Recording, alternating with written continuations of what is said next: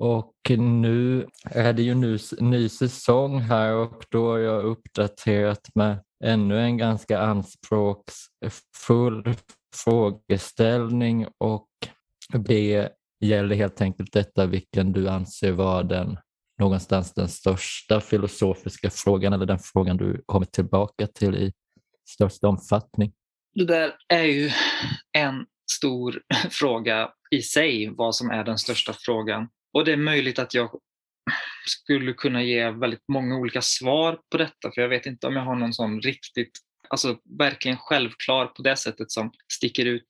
Men det jag tror ändå är rätt svar för mig då, som jag återkommer till oftast, det är nog ändå att filosofi ska vara någonting som ligger väldigt nära livet, eh, det praktiska liksom, levandet så att säga.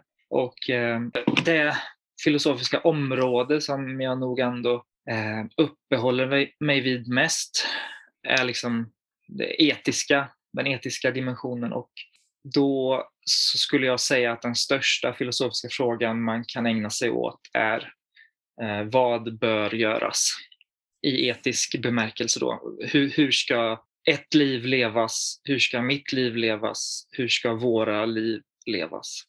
Ja, det är ju lämpligt vid tanke på den bok vi då ska tala om i detta avsnittet, vilket just är etiken, men som någonstans sträcker sig långt utanför detta område också. Verkligen. Eh, det, det, kan till och med vara lite svårt att exakt se varför den heter etiken. Ja, det, det är ganska lustigt för första gången jag läste den så var jag till och med lite konfunderad av vilken etik är det exakt han ger oss? Är, är han en pliktetiker eller vad är Spinoza i, egentligen? Och det finns någon formulering i boken också där han skriver att hans arbete egentligen inte är hur, hur vi kommer till det etiska utan egentligen bara presentera vad det etiska är. Så det är en ganska oortodox bok om etik.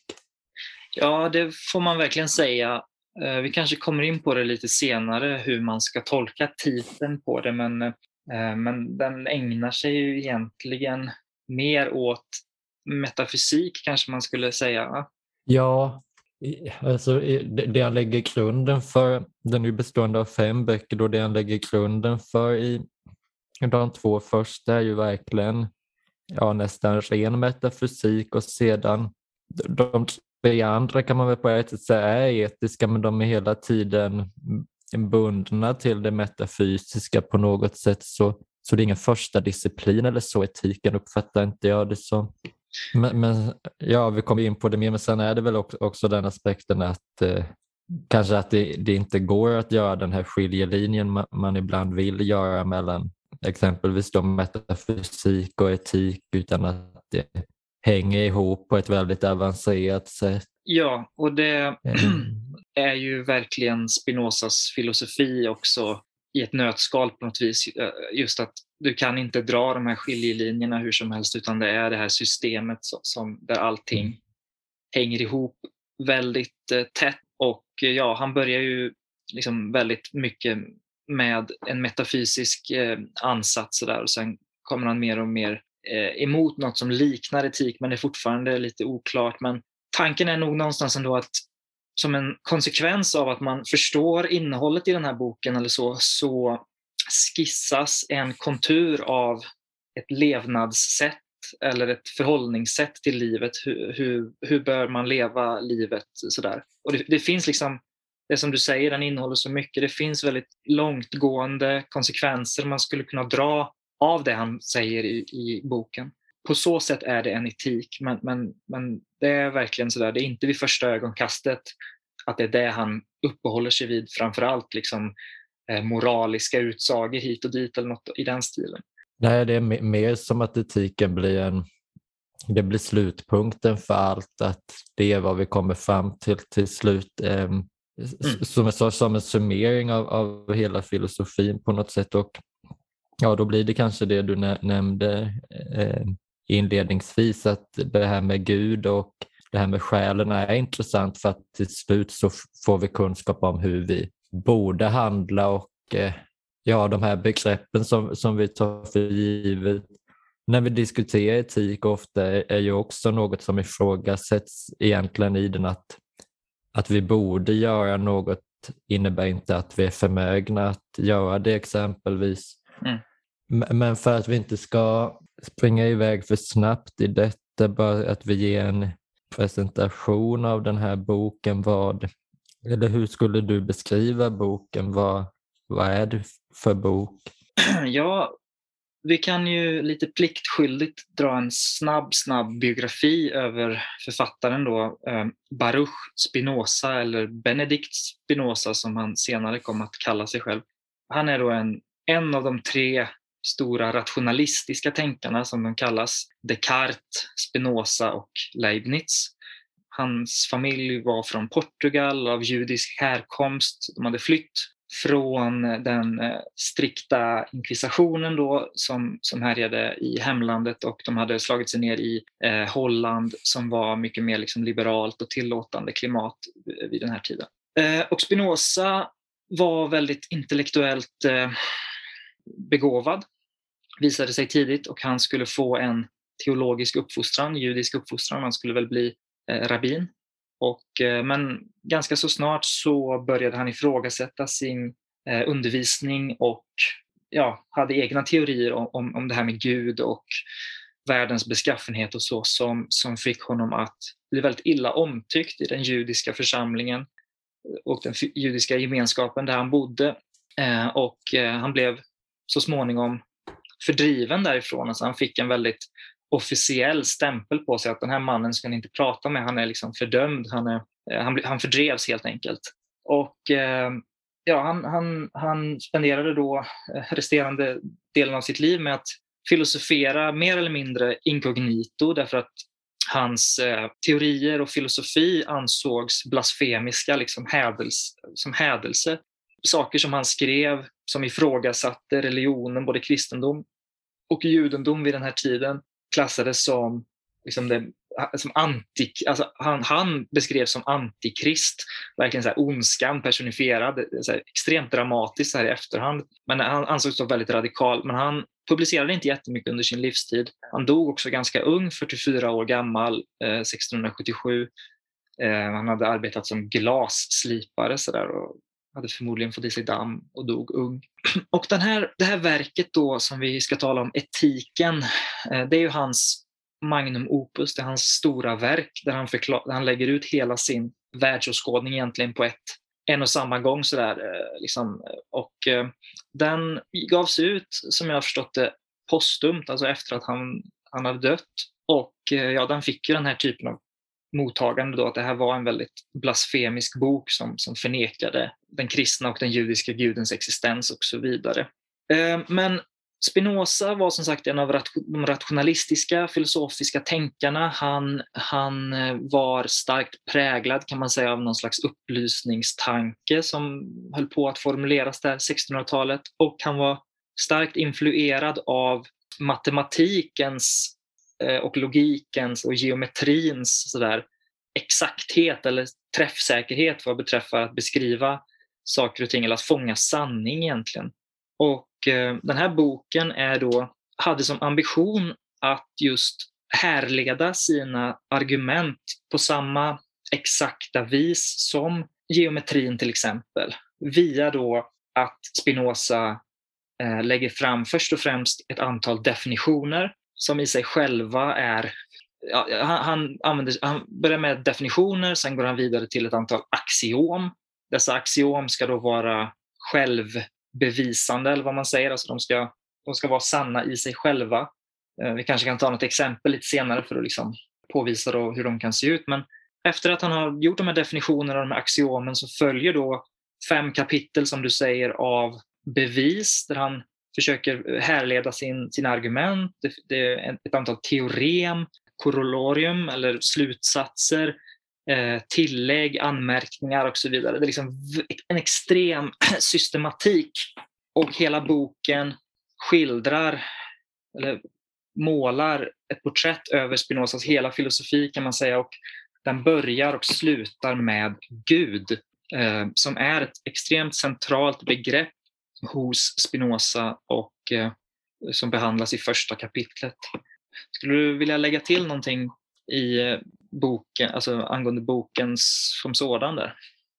Eh, jag tänker på det jag nästan fastnar för mest med det nu är hans beskrivning av affekterna, ett väldigt detaljerat beskrivande av dem som nästan går att läsa för sig. Ehm, Mm. Just när han bara presenterar dem utan någon värdering i dem och det är först senare då han med hjälp av sin rationalism då ställer sig Ja, han vill, inte, han vill ju inte mena att affekterna är värdelösa eller så, men att, eh, att vi någonstans ska distansera oss från dem. Men medan han just beskriver affekterna och har ha den här rationella metoden blir något väldigt speciellt i det att verkligen på något sätt avdramatisera vad affekterna är och också ge dem en ganska tydlig eh, mening egentligen. Eh, och det kommer vi ju in på, på mer sedan men, men att hans grund är väldigt enkel många gånger men sen eh, blir det mycket mer komplicerat. Jag tänker att det han utgår med gällande affekterna egentligen att vi har glädje och sorg och det manifesteras sedan i hat och kärlek och så utgår han från de här Eh, nästan naiva definitionen av vad detta är och kommer fram till något, ja om inte sant, i alla fall något, något väldigt djupt som tvingar en att tänka kring vad det verkligen är frågan om. Så eh, en väldigt, eh, alltså om man tänker metoden, dels att det är unikt att använda eh, geometri i filosofi, är unikt men också i vad han faktiskt undersöker för något, att han undersöker något sådant som affekterna, vilket ju många gör efter honom och ja, vissa också, också samtida, men inte på det, eh, det, det, tydliga sättet att han närmar sig känslorna utan att någonstans gå in i känslorna. Det är som att han själv inte har känt det han beskriver riktigt, så han har en så här klassiskt filosofisk blick på på det han talar om, om någonstans. Han skriver någonstans att, att han vill undersöka affekterna som om de vore linjer eller former. Det vill säga något objektivt sådär som han då står utanför.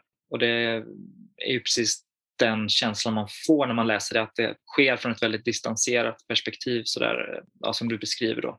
Det skulle röra sig nästan om någonting som han inte har någon, någonting att göra med utan han beskriver det här, det här andra liksom hur, hur mötte du Spinoza första gången eller så? Ja, jag minns inte exakt när jag hörde talas om honom första gången men jag tror att jag nåddes av hans biografi innan jag egentligen nåddes av hans tankevärld och eh, han är en av de här filosoferna tycker jag vars biografi gör att jag verkligen vill veta mer om honom i att han fick ju inte mycket uppskattning medan han eh, levde egentligen och var, var hotad eh, e-, egentligen. Han, fick inte, han hade levt ett mycket bekvämare liv om han struntat i de här striderna i synnerhet vid att han inte ens eh, hade någon karriär in, inom akademin. Det valde han bort helt och hållet. Mm. Precis, han, han, fick ett erbjudande att, att ta en professur vid universitetet i Heidelberg Heidelberg. Men han tackade ändå nej just för att han inte vill, eller han visste helt enkelt att om han skulle ge uttryck för de här åsikterna där och då så skulle det liksom ställa till med mer besvär, mer stök än vad det hade varit positivt. Liksom. Så han stoiskt valde liksom att avstå från detta. Då. Ja, han är ju verkligen en sån filosof som ja, lever utifrån sin filosofi och vi, det finns ju ganska många exempel på det, men om, om man tänker sådana tänker som Nietzsche och Schopenhauer finns det något mer tragiskt i deras liv att de ville kanske inte riktigt ha den situationen men, Nej. men just med Spinoza känns det som att han var faktiskt tillfreds med mm. det livet han hade så han är kanske filosofihistoriens mest sympatiska filosof tycker jag. Mm. Och Det är någonting jag tycker man stöter på ofta när man, om man läser vad andra filosofer säger om Spinoza. Det behöver inte vara så att alla håller med om hans filosofi, men att de har någon slags eh, respekt ändå, just den här sympatin, att han verkar vara en ganska omtyckt filosof till och med Nietzsche har väl inte särskilt mycket ont att säga om Spinoza och det är ju anmärkningsvärt i sig. Och ja. Bertrand Russell är ju ett känt exempel som, som verkligen sjunger hans lovsång i den här, det här eh, västerländska filosofins historia eller, eller vad det där stora verket heter. Ja, just det. Jag tänkte just på det. Det är verkligen exempel på två helt skilda filosofer som på något sätt omfamnar honom.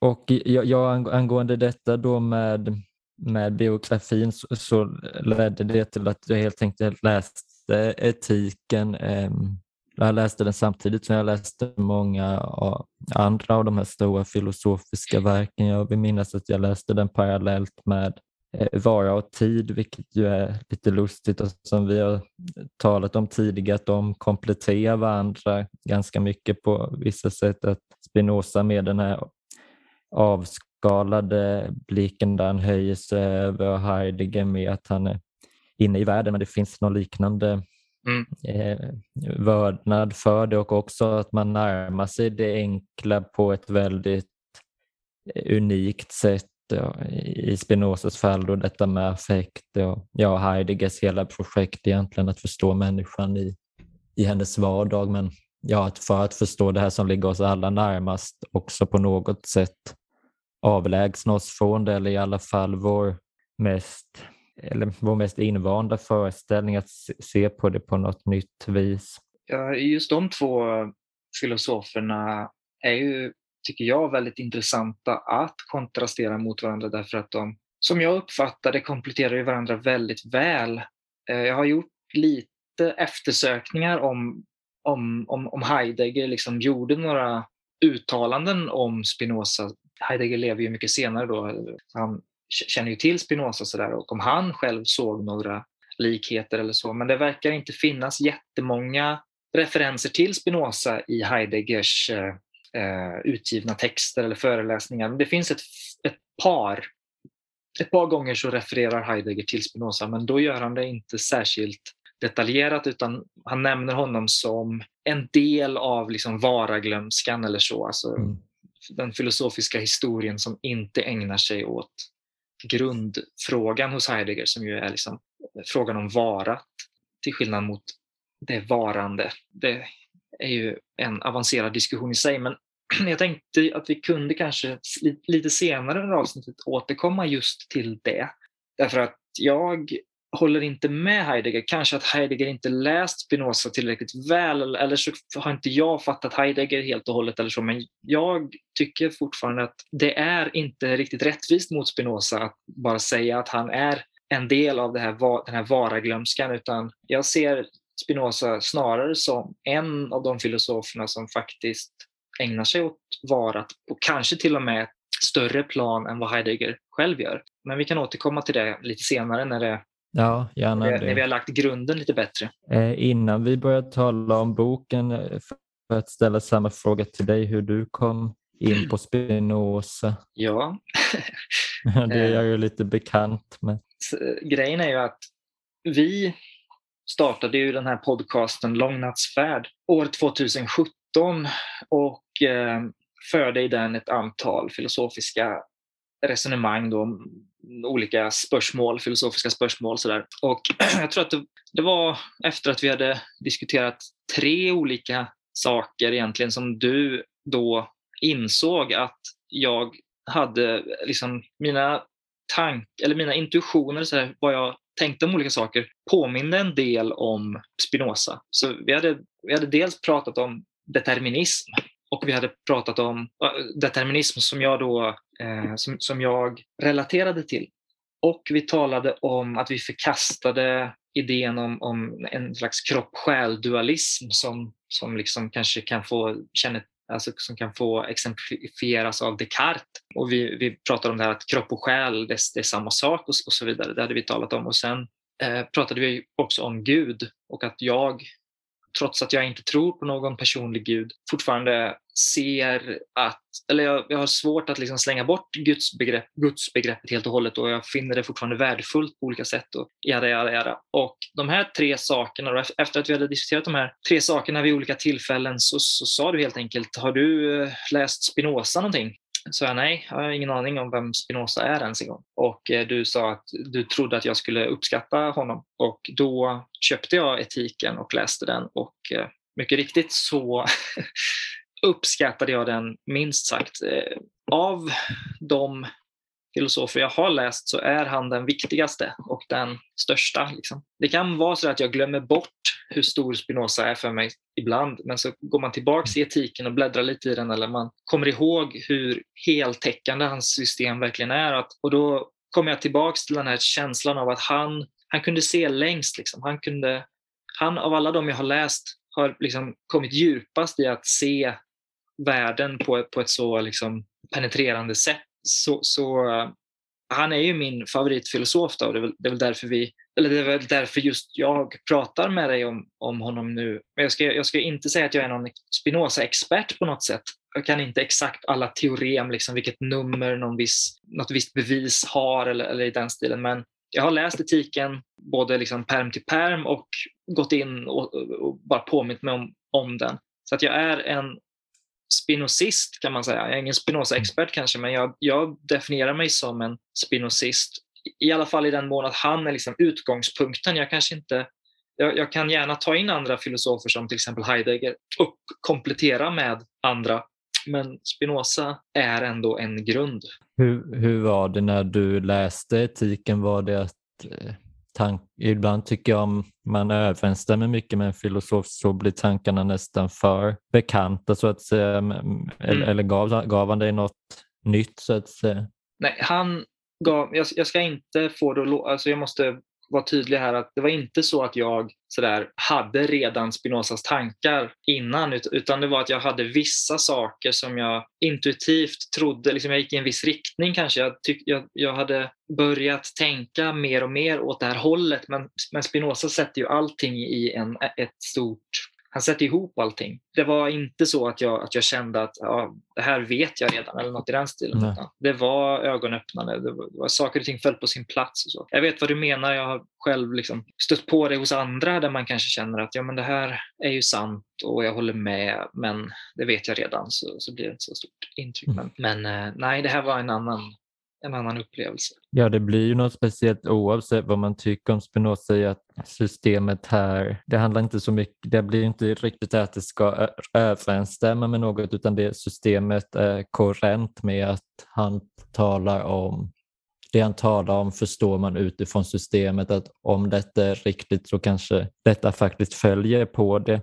Mm. Och på så sätt blir han någon att, att verkligen tänka med och det är en de definition jag tycker visar tydligt vad en filosof ska vara. Att en filosof är egentligen någon man tvingas att på något sätt tala med när, när man på allvar mm. tänker kring de här frågorna. Och, och, som vi ju var inne på en del i långnadsfärdet, jag instämmer egentligen i ganska lite av vad Spinoza säger men ändå är han den som jag på hel, hela tiden träffar på på olika sätt i ja, allt från gällande känslor till gällande vad själen kan vara till vad Gud kan vara.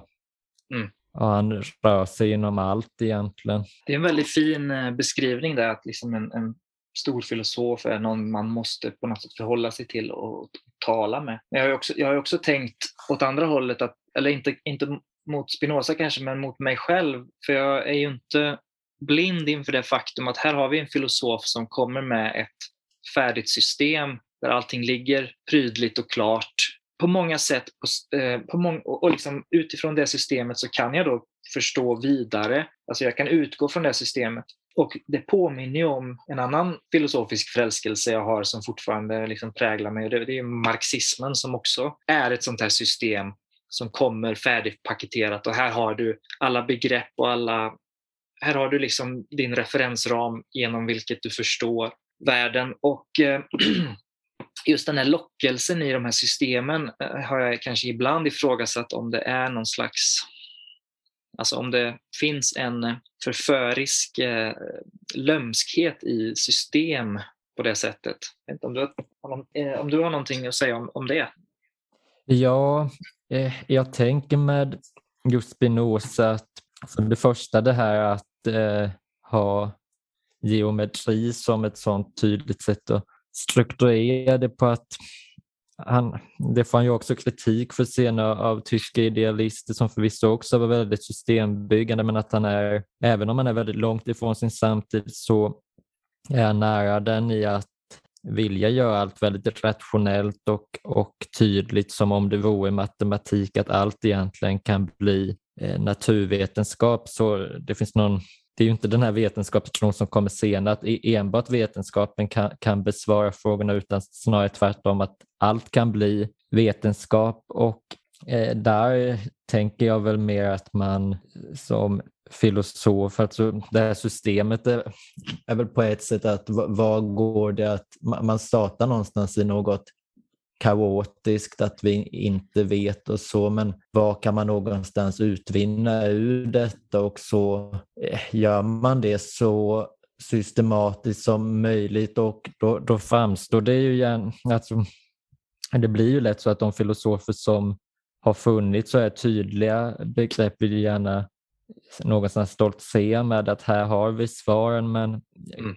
det kanske just är för att det är så svårt att finna svaren som man är nöjd med det som faktiskt eh, går att finna. Och, och, den optimismen saknar jag så väldigt mycket i 1900-talets och dagens filosofi att det faktiskt även om det är svårt att få kunskap att det är inte omöjligt att få det. Och även om ett system kan vara felaktigt så ger det, kan det ge ett större djup att tänka utifrån något systematiskt än att hela tiden ta för givet att vi kommer inte kunna bygga upp något system för allt är bara olika begrepp som egentligen inte säger något annat än, än sig självt. Så Mm. När man har sett vad alternativet är så tydligt från och med 1900-talet så kan jag absolut se problemet med, med systemen men att, men att människan nog alltid kommer tänka i någon systematisk innebörd. Då kanske det bästa faktiskt är att göra det mm. så öppet som möjligt och så strukturerat som möjligt. Men eh,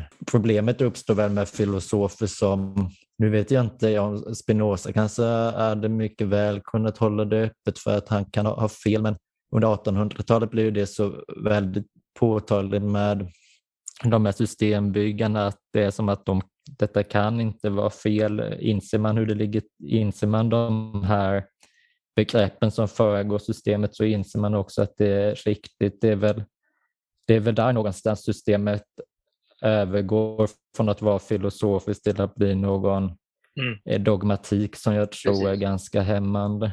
Precis, det är väl den där dogmatiken man egentligen får undvika då att, att även om man kan tro på ett system, att man ändå kan hålla sig så pass öppen att man inte ser systemet som nödvändigtvis färdigsnickrat utan att det kanske är då olika aspekter av en helhetssyn men som inte ändå utesluter att det, att det här byggnadsverket är under ständig utveckling. Liksom.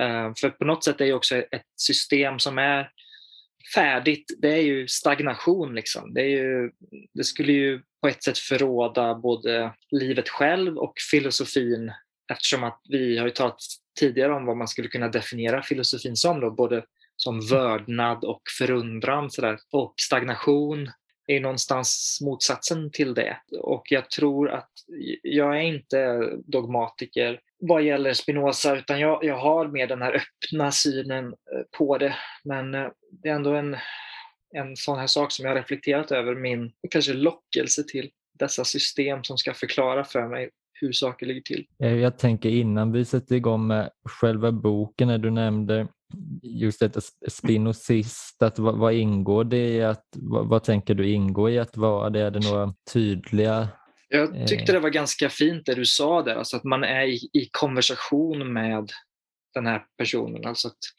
spinozist som jag tänker på det är att jag, jag utgår ifrån Spinoza. Jag, jag, har, jag, jag tror någonstans på att han har eh, om inte helt rätt så i alla fall, liksom, det går inte att bortse ifrån detta. Det, det ligger sanning i det, även om det, oavsett om det är liksom sanningen med stort S eller inte, men det finns sanning här. Och att man Eh, på sin fortsatta vandring eller resa och liksom framåt så, så har man med sig den här personen på ett kanske lite mer påtagligt sätt än någon som inte skulle kalla sig spinozist. Alltså jag, jag, väl det, alltså en följare på ett lite, alltså en följare av Spinoza, fast kanske inte på det här dogmatiska sättet då, utan kanske på ett mer vad ordet egentligen betyder. Att jag mm. följer, eh, alltså jag kommer efter Spinoza. Jag går inte i hans fotspår då, som att jag kommer efter honom sådär, men jag eh, går på något sätt med honom. Jag har honom med mig eller, eller något sådant kanske. Mm. Men jag tänker att vi börjar tala om boken då. Och som du var inne på förut, kanske det är bra att ge något exempel på vad ett sånt där axiom kan vara och en definition också hos honom. Har du någon du tycker visar det ty tydligt vad det, vad det innebär? Ja, visst, vi kan ta fram då första kapitlet ur etiken som då heter Om Gud och som börjar eh, med ett antal definitioner då och ett antal förklaringar till dessa definitioner och sen kommer han in på de sju axiom som sen hela resonemanget i kapitlet sen bygger på. Eh, det vill säga med hjälp av de här sju axiomen så bevisar han sin Guds existens. Och vi kan ta det första axiomet här då, bara för att som sagt ge något exempel på hur, hur det kan låta. Axiom 1. Allt som är är antingen i sig självt eller i något annat. 2. Det som inte kan förstås genom något annat måste förstås genom sig själv. Men på det här liksom sättet jobbar han då att han, han har de här, vid en första anblick något sådär eh, utmanande axiomen eller påståendena och sen så funderar man över dem och eh, jag, jag, tycker att de, att de är axiomatiskt sanna. Det vill säga de går inte att säga emot. De är sanna i sig själva per definition. Och sen då fortsätter bygget utifrån det. Men eh, om, vi ska, om vi ska gå in på kapitlet som sådant, eller liksom första delen av etiken, där han pratar om Gud, då kanske vi ska också göra det, nämligen prata om Spinozas Gud. Börja lite mm. grann där. Hur vill vi lägga upp den diskussionen?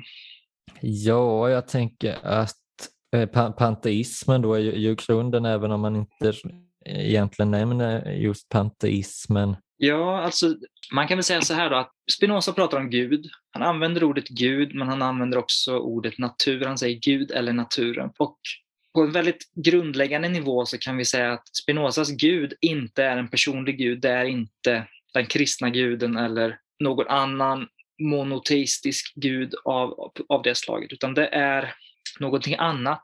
Och det här panteistiska då, det, det, är, skulle jag säga, faktiskt en tolkning av, av Spinozas Gud. Som du säger, det är inget han själv använder, det här begreppet. Och det leder kanske lite fel, skulle jag vilja påstå. Panteism betyder ju Gud är allt, vilket den aspekten finns hos Spinozas Gud, men det är inte riktigt hela sanningen. Därför att Gud finns också i allt, vilket kallas panentism istället för pantism.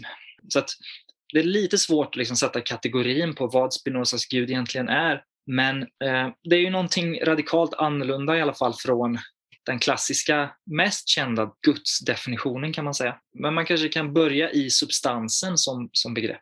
Det är sant. Och ja, som du var inne på förut så är ju dels är han ju rationalist tillsammans med Descartes och mm. Leibniz, men de är också det här substansbegreppet gemensamt då där Descartes talar om två substanser, Leibniz talar om en stor mängd, en obestämd mängd eller kanske mm. rent av en oändlig mängd och hos Spinoza så eh, det finns bara en substans ehm, och detta går då tillbaka till axiomen att förstå mm. något i sig självt att han vänder sig mot eh, den atomistiska syn som, som började, verkligen började framträda i hans tid att vi kommer inte till något slut om vi går insides egentligen. Allt kan delas ytterligare men om vi istället går ut menar han att då kommer vi till slut komma till, inte nödvändigtvis ett slut för det är ju inte, för det, han talar ju om det som oändligt men mm men det är någonstans det enda sättet att blicka mot, eh, mot något, att det faktiskt ingår i detta att det går, går inte att göra någon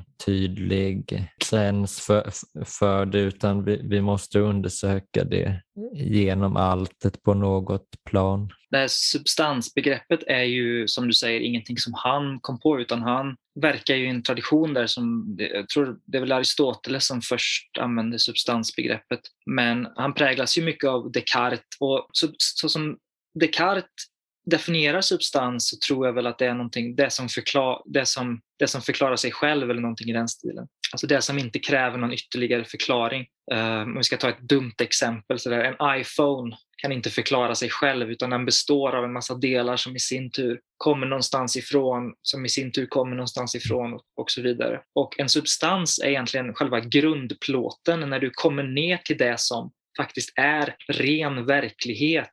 Det går liksom inte att ja, som du sa, plocka isär det mer eller så, utan vi har kommit fram till en grundplåt av verklighet. Och Descartes har ju två sådana här substanser, e-, e-, egentligen tre. För han säger väl att det också finns en gud, mm. alltså den kristna guden. Men, det är sant. Men han har det här med kropp och själ då, som två, de, två substanserna som världen består av. Medan Spinoza vänder sig emot det här och liksom, han, han, till, han är lite, faktiskt lite fräck mot Descartes och, och säger någonting om att uh, han har svårt att förstå att en så smart person kunde skriva något så dumt. Men Spinoza tar ju då istället synen att det finns bara en substans. En substans som är liksom allting, verkligheten i sig. Sådär. Och den här substansen då är ju Gud. Namnet på den här substansen och dess funktion är Gud. Så där någonstans börjar ju han då att han har den här monistiska, det vill säga den här enda substansen som utgör allting. Och sen så beskriver han då hur den här substansen har olika attribut av sig själv. Alltså den har, eh, det finns bara en substans men substansen har olika attribut eh, och det är först då som vi kommer in på det här med kropp och själ. Alltså det är inte substanser i sig utan det är bara attribut till den här enda substansen. Och sen ytterligare ett steg så att säga under attributen finns det som Spinoza kallar modi, som är liksom modifikationer av eh, substansen, vilket är alla enskilda ting. Så han, han har någon slags hierarkisk ordning där substansen är det här gudsföremålet, verkligheten i sig. Man kan förstå verkligheten utifrån olika infallsvinklar. Det är attributen. Människan känner bara till två av dem, skriver han vilket är kropp och själ, eller liksom materia och ande. Och eh, alla eh, enskilda ting då, det är liksom modifikationer av den här substansen som inte är oändliga utan de är ändliga men de är också en del av det de har en slags eh, del i sig av liksom den här guden då, eller eh, det oändliga, den här oändliga substansen. Eh, ja, jag tänker att han har en del beröringspunkter med Platon i det att han, ja det, detta med, med ett, ett, en modifikation och ett attribut, att det finns, det är ju ingen riktig urbild, men, men samtidigt att Gud har sina attribut någonstans, de, de följer med Gud och det är någonstans så vi också får syn på Gud, vilket blir tydligt i andra kapitlet att när, när människan tänker och är, är rationell så på så sätt är det en tänkande Gud för människan är tänkande och människan är en eh, del av Gud. Men människan blir då, i och med att människan bär, också bär på tillfällighet så blir hon en en modifikation av attributet tänkande och där tänker jag att det, det är ganska besläktat med Platon att det faktiskt finns, ja, som en urbild av detta är tänkandet och så manifesteras det i världen. Men Spinoza gör det mer homogent någonstans att även om det blir nödvändigt till dels att ha de här hierarkierna så vill han någonstans ner att det inte är så att de här modifikationerna är de utgör attributen, de är inte någon, någon avmätt version eller så. Eh, Nej.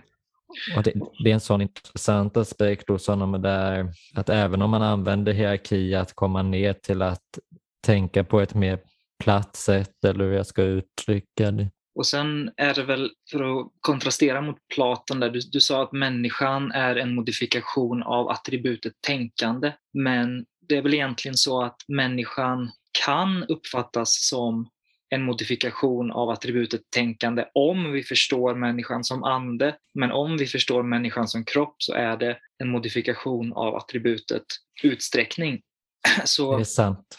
Så det finns inte den här liksom, varken kropp eller själ har ju företräde hos Spinoza utan det är en parallell, parallellsystem. Både mm. kropp och själ är liksom likvärdiga. Det är bara det att de, det är olika perspektiv som vi kan betrakta till exempel en människa. Om vi betraktar henne utifrån tänk, alltså tänkandets attribut, ja, då förstår vi henne på ett visst sätt. Om vi betraktar henne utifrån utsträckningens attribut, då förstår vi henne på ett annat sätt. Men det finns ingen inbördes hierarki mellan tanke och utsträckning. Eh, men hos Platon så gör det väl det. Eh, liksom. Och eh, även det här liksom avmätta, att modifikationerna är det här avmätta skuggorna av attributet tänkande. Då. Ja, han är mer som en livsbejakande Platon eller vad man ska säga. Lite, lite smartare Platon. Ja, jag tänker på innan vi går på andra kapitlet, om, om inte du har något mer så är det två aspekter jag tar fasta på här också, att, som vi nog återkommer till mer sen. Dels detta som jag tycker jag nämner ganska flyktigt, att även om man tar fasta på de här axiomen då för att komma fram till den här substansen. Så för att dra en till parallell till det antika tänkandet, att det påminner en del om Parmenides i det skepsisen mot, eh, mot att det ens finns no något tomrum och, och också mot tiden. Och mm. Tiden är, är någon, någon, slags kronologi hos, hos Spinoza. Eh, Mm. Men, men det är aldrig den definitiva verkligheten eller så, tiden, utan och också, det är också intressant när senare definierar evigheten, att evighet har egentligen inte, man baserar det inte framförallt det tidsligt eh, begrepp, det eviga. Eh.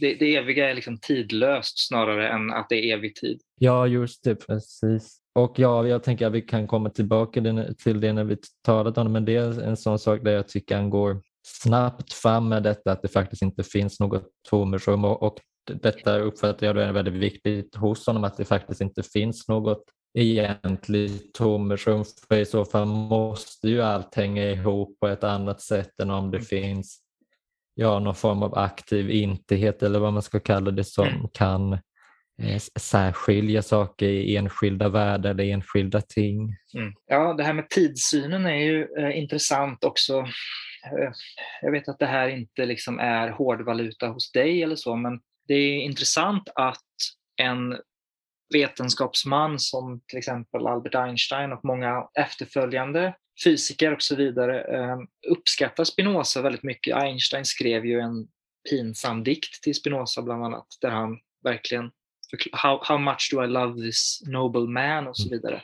Så han älskade ju Spinoza och han svarade på en, en känd fråga att eh, tror du på Gud? Ja, jag tror på Spinozas Gud, han, den, han som avslöjar sig själv i naturens harmoni och så vidare. Men att Spinoza då som skriver allt detta på 1600-talet, hans eh, tidslighet, eller syn på tid samt, och den determinism som ingår i det här systemet. Det vill säga, allting hänger ihop. Alltså, substansen är som du säger, det finns inget tomrum. Allt hänger ihop och påverkar varandra. Det där rimmar ganska väl med idén om rumstid som vi sen stöter på i modern liksom, naturvetenskap eh, så som Einstein och efterföljare beskriver den. Vilket man kan göra vad man vill med den informationen men det är åtminstone en intressant, eh, ett intressant tillägg. Mm.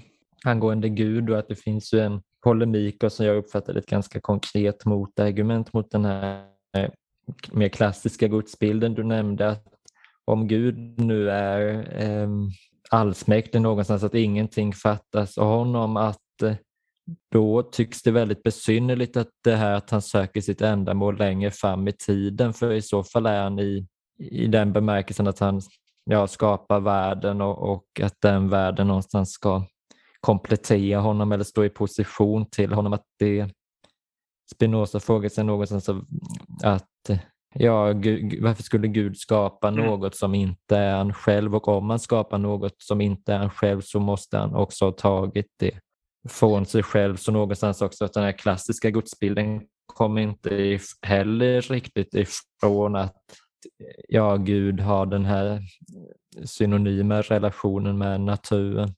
Jag föreställer mig att han i sina studier av de mer traditionella stora monoteistiska religionerna stöter på de här alltså definitionerna av Gud som till exempel oändlig och drar de här ganska hårda slutsatserna av det. Om, om, den, om ni menar på allvar att Gud är någonting oändligt, om det är liksom namnet på det oändligt stora, då, då är det här en konsekvens av det. så att säga. Jag har en bok på hyllan som heter det teologisk-filosofiska traktatat eller någonting i den stilen, som jag har försökt läsa. Den är ganska krånglig därför att det är, liksom, det är Spinoza som går på detaljnivå kring bibelverser.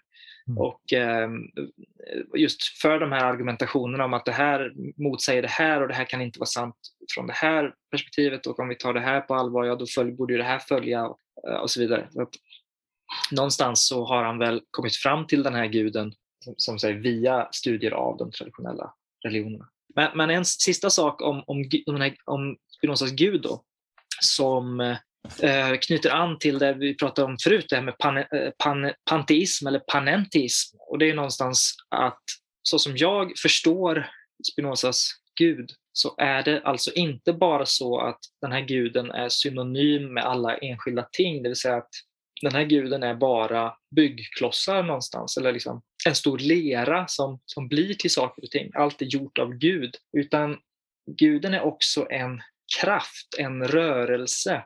Gud är liksom hos Spinoza själva varats princip. Det som animerar världen. Det som överhuvudtaget gör att det som finns kan finnas, så att säga. Alltså det är en, en skapande kraft. Och det blir då inte den här traditionella skaparen som en gång i det förflutna skapade världen och sedan betraktade den utifrån så att säga, utan det här sker, alltså den här guden skapar fortfarande. Det är, det är livets kraft. Det är anledningen till att vi kan leva och tänka att vi finns till som medvetna varelser. Varför finns det något snarare än inget och så vidare. Det är, liksom, det är Gud som är den här kraften. Så Gud, det skapande, den skapande kraften finns också i allt snarare än att, vi, att det bara är allt. Så, så det är där som liksom Spinozas Gud blir någonting mer än bara det pan, panteistiska. Jag vet inte hur konventionell den läsningen är av honom men det tycks ändå självklart när jag läser att det är så han menar. Ja, jag tror också det. Jag tänker att en term som kanske bättre fångar in det än panteism är just holism. Att ja. Att det bara, ja, det bara inte i ja, delarna är resultatet, inte, inte utgångspunkten. Att, och att ja, helheten blir något annat. Då här, det kommer nog bli en del så när vi talar om honom tror jag att det på ett plan är, är, finns det ingen dualitet men samtidigt det uppstår någon form av dualitet och ja, det blir ännu mer uttryckligt då med själ och kropp att, att vara, att visa sig på två olika sätt. Men vad som ändå gör det till, till, till att det är frågan om ett och, och, att den här dualiteten någonstans är, ja det är också avancerat, är den skenbar kan man ju på ett sätt inte säga, men, men den är inte grunden för varet så att säga utan det är just perspektivet, kanske, kanske om man uttrycker det som så att ontologiskt så är det bara frågan om ett, men sen när vi kommer till det mer epistemologiska då blir det frågan om att se ja. saker i olika perspektiv. Och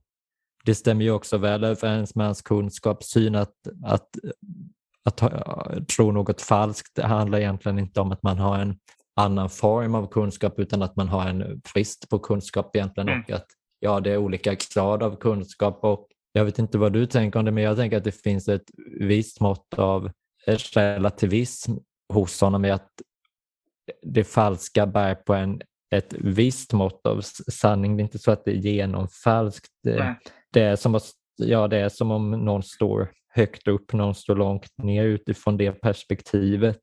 Mm. Är det vad som synliggörs där?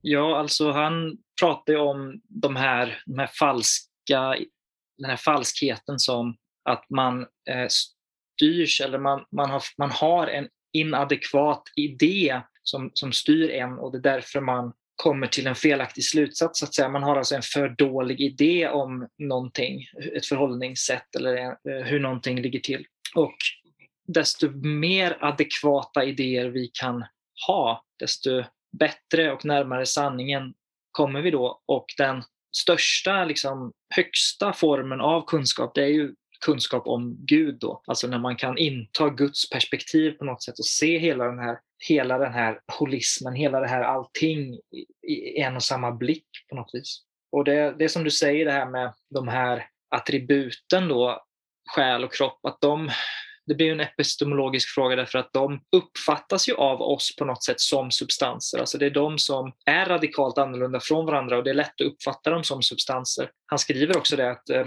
ett attribut är det som människans förnuft uppfattar som en substans eller någonting i den stilen. Men att det finns då en högre kunskap som, som visar på att det här är inte liksom den sista grundplåten. Det här är inte det sista liksom, immanensplanet där verkligheten existerar, utan det finns då Gud också. Och det tycker jag, om man tänk, tänker sig de här begreppen ja, som, som vi använt senare med relativism och realism, att det visar någonstans, alltså relativism uppkom egentligen inte på grund av att det inte finns något att få kunskap av, men att, ja, att sättet att få kunskap eh, är så avancerat helt enkelt och det påminner en del om också det han gör med etiken som väl tyvärr inte, det uppfattar jag, hade fått så stora konsekvenser filosofihistoriskt, men att, att så att säga vad, vad en människa bör göra med, med sitt liv eller liknande, att, som jag var inne på förut också, att det, det handlar inte om, om vad hon kan eller att det är något fel på henne nödvändigtvis i och med att vilket vi väl också kommer in, in på mer eh, eh, med att ja, han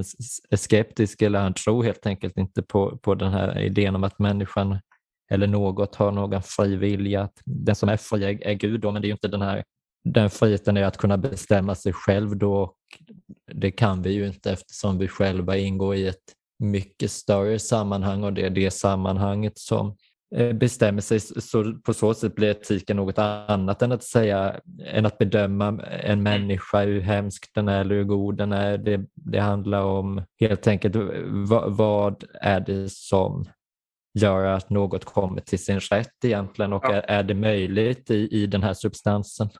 Precis. Det, det goda som Spinoza definierade är ju någonstans det som är bra. Och vad är bra då? Ja, det, det, är när en människa till exempel, det kan också vara djur eller andra levande ting, får leva ut sin självbevarelsedrift någonstans. Alltså att man har ett visst handlingsutrymme och man kan i högre grad vara orsak till sina egna handlingar. Eh, det här är någonting som är lite, som är lite knepigt då med Spinoza eftersom att han förkastar idén om den fria viljan i bemärkelsen orsakslös vilja. Men han pratar positivt om frihet, eller han säger att människan kan bli fri, eller vi kan uppnå grader av frihet och sådär. Och att denna frihet kommer någonstans ur att få större kunskap om Gud, därför att då styrs vi av så att säga, mer adekvata idéer som närmare stämmer överens med eh, vår natur, som också är en, ett område som är värt att diskutera, hur han förstår mänsklig och andra varelsers natur. Så, så någonstans tillåter det här systemet ändå en viss grad av frihet, ungefär efter samma linjer som jag diskuterade i vårt förra avsnitt här i din podcast. Det här att ja, en orsakslös vilja eller frihet, nej det finns ju inte, men om jag i till tillräckligt hög grad kan vara orsak till mina handlingar, då kan jag ändå vara fri på ett sätt. Den synen har ju även Spinoza. Ja, det är sant. Det är intressant. På ett plan han, den ganska samtidigt att han talar om naturrätten, att vi ska förbinda oss med andra och att vi kommer till vår, vår rätt på det sättet. Så på, det är vad jag tänker när jag tittar på det på ytan, att det är någonstans vad, vad en sån här holism borde leda till ett ganska kollektivt system, men det finns också ett ganska stort mått av individualitet hos honom i att varje modifikation av ett attribut någonstans ämnar att mm. göra just sin uppgift. Ehm, och eh, ja, det här vänder ju också mot, och det hänger ihop, han ser på effekter för, förvisso, men han vänder sig ju mot medlidande eller, och sådana aspekter. Det är inget han baserar etiken på egentligen. Mm.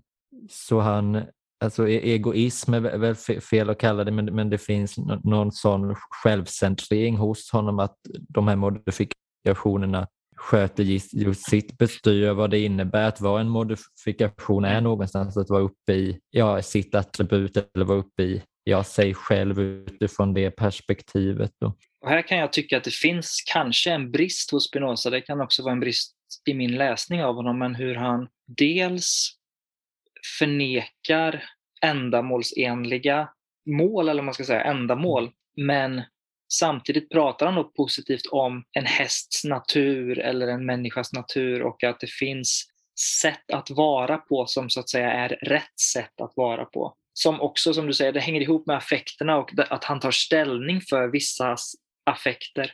Han säger att, så att säga, de positiva känslorna eller affekterna som glädje och sådär, det, det där är affekter som aktiverar hela vår själ eller hela personen medans negativa affekter som sorg eller vrede, det aktiverar inte hela personen.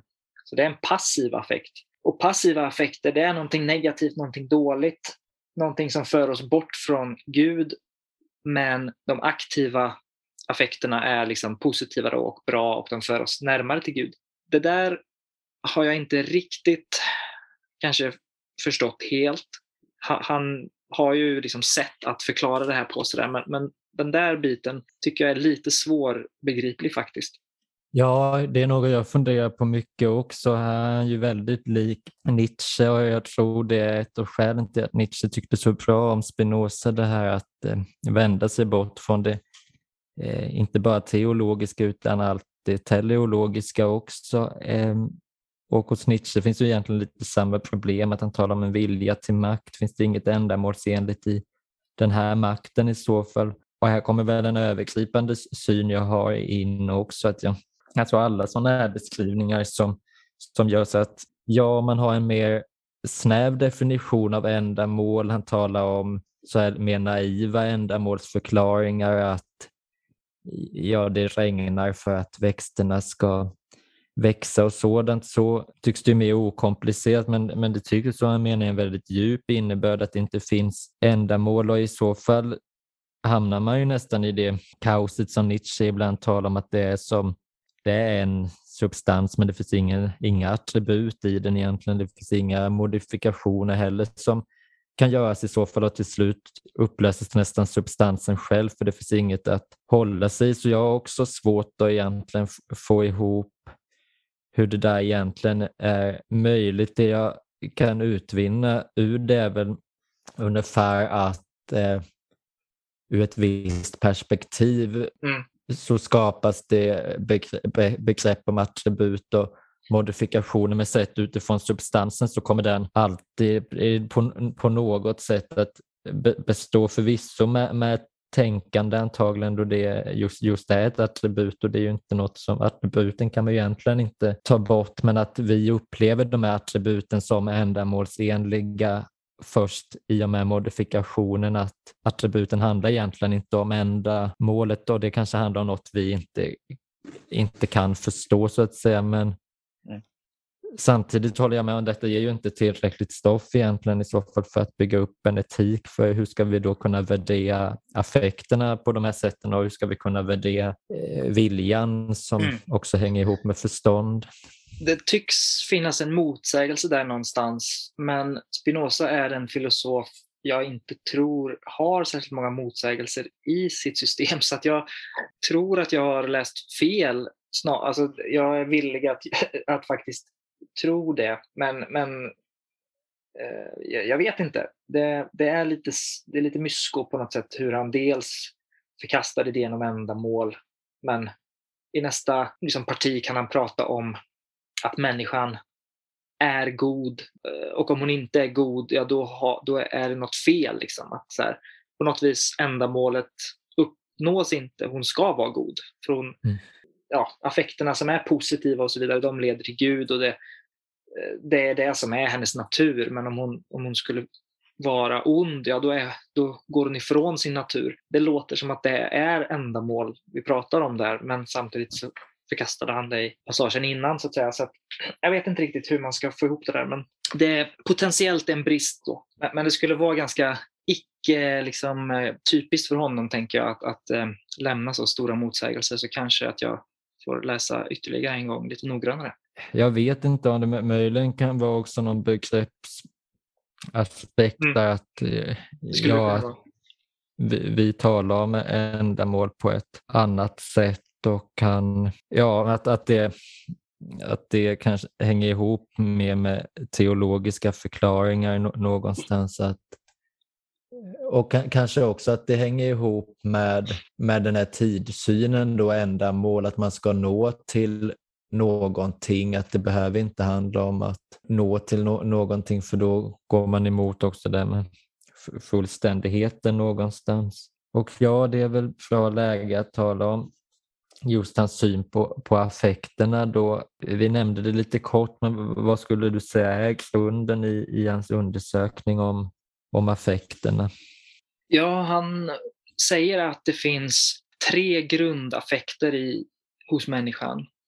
Eh, den första är begär som kommer ur eh, självbevarelsedriften. Det här att att vilja vara kvar i sitt vara eller något i den stilen, alltså en självbevarelsedrift. Och eh, affekten som hör till den här självbevarelsedriften är då begär efter handlingsutrymme, efter makt eller någonstans. Och sen förutom begär så har vi då sorg och glädje som två grundaffekter. Och det är ju lätt att bara tolka det här som känslor rakt av, men affekterna kallas ju affekter av en anledning. Det är inte riktigt känslor rakt av. Det är, det är nästan känslor rakt av, men inte helt. Jag tolkar det som att glädje och sorg snarare är en process som där glädjen då är processen av att gå från ett lägre till ett högre stadium av fullkomlighet.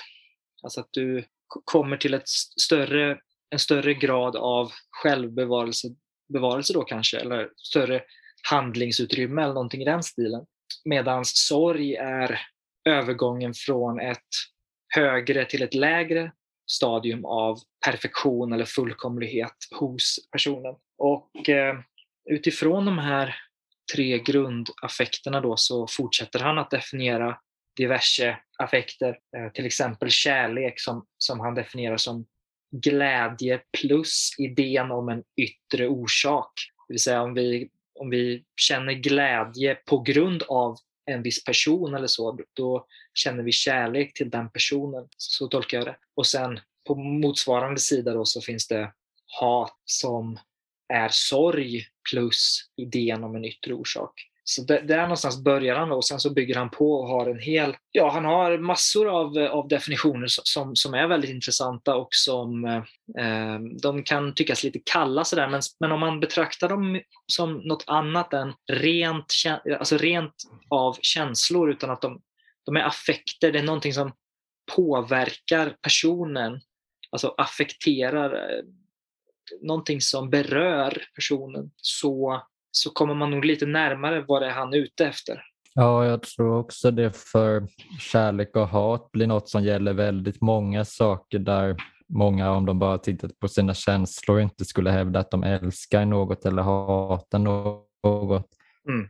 nödvändigtvis. Men ja, han tar bort dramatiken från dessa begrepp egentligen. Att det vad det handlar om och sen kan ju det stegras på olika sätt och då blir det kanske mer det som vi i känslomässig bemärkelse skulle kalla Eh, faktisk kärlek och faktiskt eh, hat. hat. Jag tänker också att han då definierar till exempel glädje då som alltså en process där du går mer och mer mot en själv, eh, alltså mot mer och mer perfektion, eh, handlingsutrymme eller liksom eh, självbevarelsedrift och det här. Man skulle kunna tänka sig kanske en händelsekedja där du mår ganska dåligt eller i alla fall det, det är ytligt så att du mår dåligt. Det är jobbigt, det är kallt, det är motgångar men att du har den här grundaffekten av glädje därför att det du gör är meningsfullt och du är på väg mot ett högre stadium av dit du är på väg. så att säga. Du, du närmar dig det mål som du har och som det här, är ett, det här är ett rationellt mål därför att det överensstämmer med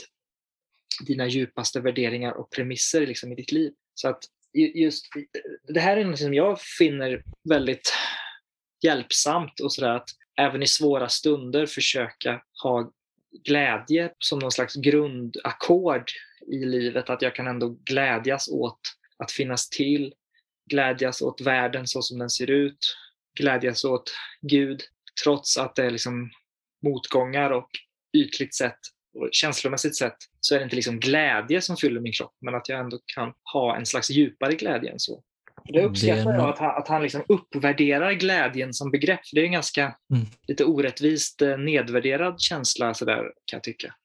Hos många filosofer. Ja, som, verkligen. Mm. Där tänker jag också på, på Nietzsche att eh, han, ja, han är mer explicit med, Ja, han är mer explicit med att lidande gäller. Med Spinoza kan man ju, om man tittar på, på ytan, få intrycket av att han i känslomässig bemärkelse tror på någon konstant glädje. Men ja, ja, tittar man på det affektivt så att säga så, ja det handlar om, ja, om man nu ska kalla det mål, men det handlar om riktning i alla fall. Ja, ehm, och det är något jag, jag funderat på också, att han är ju, hat förklarar han ju ändå som en negativ affekt sen när han värderar dem i, värderar dem i fjärde och femte kapitlet. För hat vänder sig mot den här insikten om att det som sker i substansen ja, det har en nödvändighet, att hatet förnekar den här nödvändigheten. Det borde vara annorlunda någonstans. Och, och, men, men, samtidigt tänker jag om glädjen också är riktad någonstans att höja sig mot där den nu befinner sig. Blir det i så fall något inneboende i, i det affektiva eventuellt att eh, ja, riktas bort? Men, men så kanske det, det han diskuterar i, i femte kapitlet om de ja, att det blir som någon, ja, att rationaliteten tar till sig affekten och då blir den annorlunda. Att det, ja, det, ja, att det är den här, att han är inte positiv till den affektiva glädjen i sig, men om den affektiva glädjen kan involveras i förståndet någonstans. Mm. Jo, det stämmer nog väldigt väl.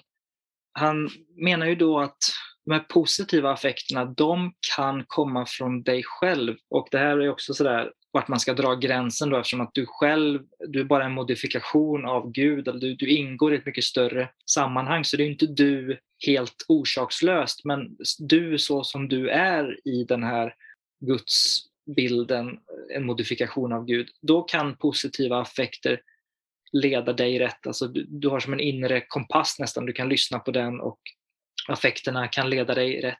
Medan de negativa affekterna som hat kommer alltid utifrån, säger han. Det är alltid yttre orsaker, just eftersom man har missförstått Gud då. Du har placerat skulden hos någon, på någon yttre, eh, något yttre som, som är nödvändigt, men du förstår inte det nödvändiga. Eh, förnuftet har liksom, du har en inadekvat idé om vad som har hänt, vilket tar dig bort från Gud och bort från förnuftet och ingenting gott kan komma ur dessa negativa affekter, skriver Spinoza. Och det kan ju vara lite provocerande också på något sätt just, men kanske att man måste då återigen påminna sig om att detta inte kan förstås som att det är känslor ett till ett liksom, mot de här affekterna. Därför att jag tänker att det är ganska lätt att se framför sig vissa sammanhang där djup, djup sorg till exempel är rätt respons på en händelse. Mm. Eh, eller jag, jag, tänker så här, om, om mitt barn skulle dö något i den stilen. Skulle Spinoza då verkligen tycka att det rationella eh, skulle vara att inte liksom, fyllas av sorg för detta? Därför att det här var nödvändigt. Jag vet inte om han skulle se på det så faktiskt. Men eh, det kan tyckas så om man läser han lite ytligt kanske. Eller vad, vad säger ja, du? Jag funderar, ja, jag funderar också mycket på det med att det är så kliniskt. Att vad blir det om man integrerar det mer i livet och jag, jag, jag, kan väl inte riktigt tro att, det, att han kan mena på det eh, viset. Men ja, ja, det handlar väl också någonstans om att höja sig över det perspektivet vi är. Att, eh, det är ju dels den aspekten du nämner med att hatet, leder, alltså det, hatet kommer utifrån Eh, men samtidigt gör affekten oss också väldigt solipsistiska någonstans. Att det som försätter oss med, oss med andra subjekt och med världen i stort är, är förståndet någonstans. Och om vi råkar ut för katastrofer så innesluts vi på grund av världen i oss själva någonstans. Men